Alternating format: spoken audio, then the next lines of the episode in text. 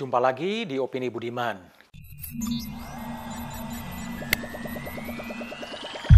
Kisruh soal vaksin Nusantara udah mereda setelah ada pertemuan yang diperantarai Menteri Koordinator PMK Muhajir Effendi, Menteri Kesehatan Budi Gunadi Sadikin, Kepala Badan Pengawasan Obat dan Makanan eh, Penny Ibu Penny dan eh, Kepala Staf TNI Angkatan Darat Jenderal Andika Perkasa.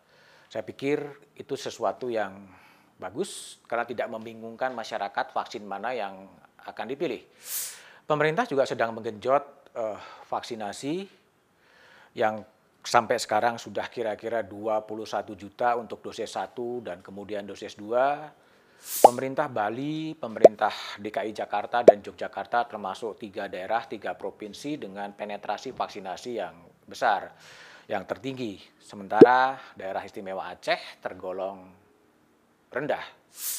Setelah vaksinasi dikerjakan, kemudian orang mulai ada euforia, merasa kebal, merasa sudah jumawa bahwa sudah divaksin dan kebal COVID. Perkiraan itu, asumsi itu tidak sepenuhnya benar.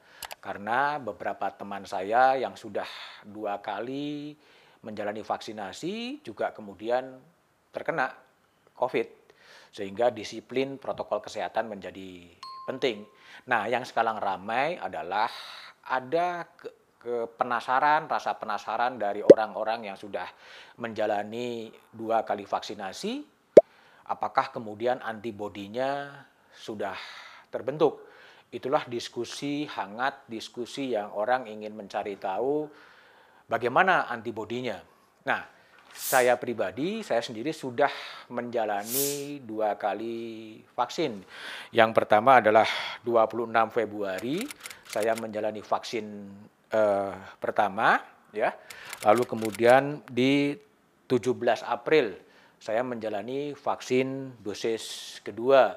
Yang sudah menjalani vaksinasi akan ada kartu vaksinasi sudah lengkap dua kali vaksinasi dan sertifikatnya pun sudah ada. Ini sertifikat vaksinasi COVID-19 diberikan kepada siapa sebagai tanda bukti bahwa vaksinasi itu sudah dijalankan. Nah, diskusinya kemudian adalah apakah antibodi saya sudah terbentuk? Dan apakah kemudian pengetesan antibodi itu harus dilakukan? Nah, kalau kita melihat diskusi di berbagai pihak, ada yang mengatakan tidak perlu, ada yang mengatakan perlu, ada yang mengatakan tidak dilarang, ada yang mengatakan tidak dianjurkan juga, sehingga masing-masing orang terserah kepada masing-masing orang untuk melakukan mau tes antibodi atau tidak. Nah, saya yang sudah menjalani dua kali vaksinasi, saya mengambil cara untuk mencoba melakukan pengetesan antibodi. 28 hari setelah vaksinasi kedua pada tanggal 14 April saya memang dengan sengaja secara mandiri saya datang ke laboratorium untuk melakukan pengetesan antibodi pengetesan antibodi bukan pengetesan antibodi yang uh, kualitatif, apakah reaktif atau non reaktif, positif atau negatif, tetapi mengambil pemeriksaan antibodi yang sifatnya adalah kuantitatif. Karena kuantitatif itu bisa diukur berapa besar uh, antibodi yang sudah terbentuk. Saya membayar 250.000 untuk pengetesan antibodi di klinik langganan saya.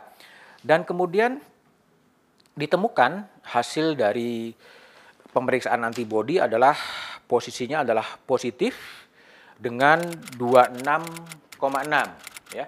Positif 26,6 nah angka 26,6 tentunya itu menjadi kompetensi dari dokter ya dari tenaga medis untuk mengartikan apa arti 26 Tetapi kalau kita lihat nilai rujukan, ya nilai rujukan di sini disebutkan antibodi positif bila lebih kecil atau sama dengan 0,80 U per mililiter. Artinya memang kalau 26,6 berarti positif dibandingkan dengan uh, nilai rujukan yang ada.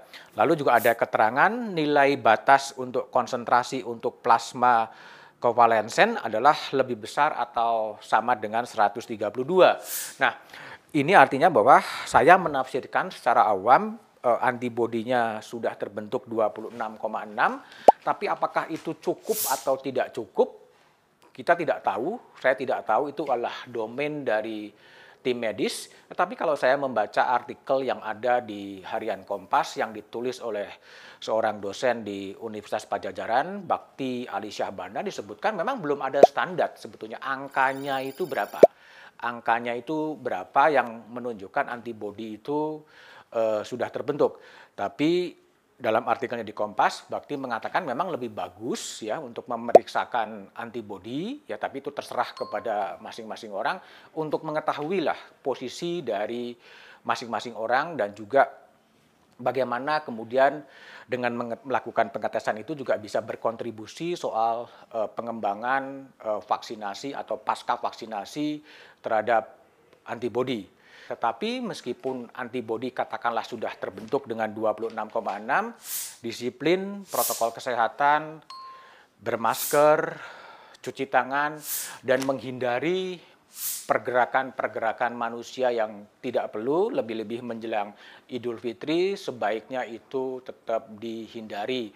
Karena COVID masih mengancam, jangan sampai terjadi Indonesia seperti India yang tiba-tiba ada ledakan COVID yang begitu dahsyat. Itu situasi yang tidak inginkan sehingga meskipun sudah vaksin, meskipun antibodi sudah terbentuk, disiplin protokol kesehatan dengan menggunakan masker adalah keniscayaan.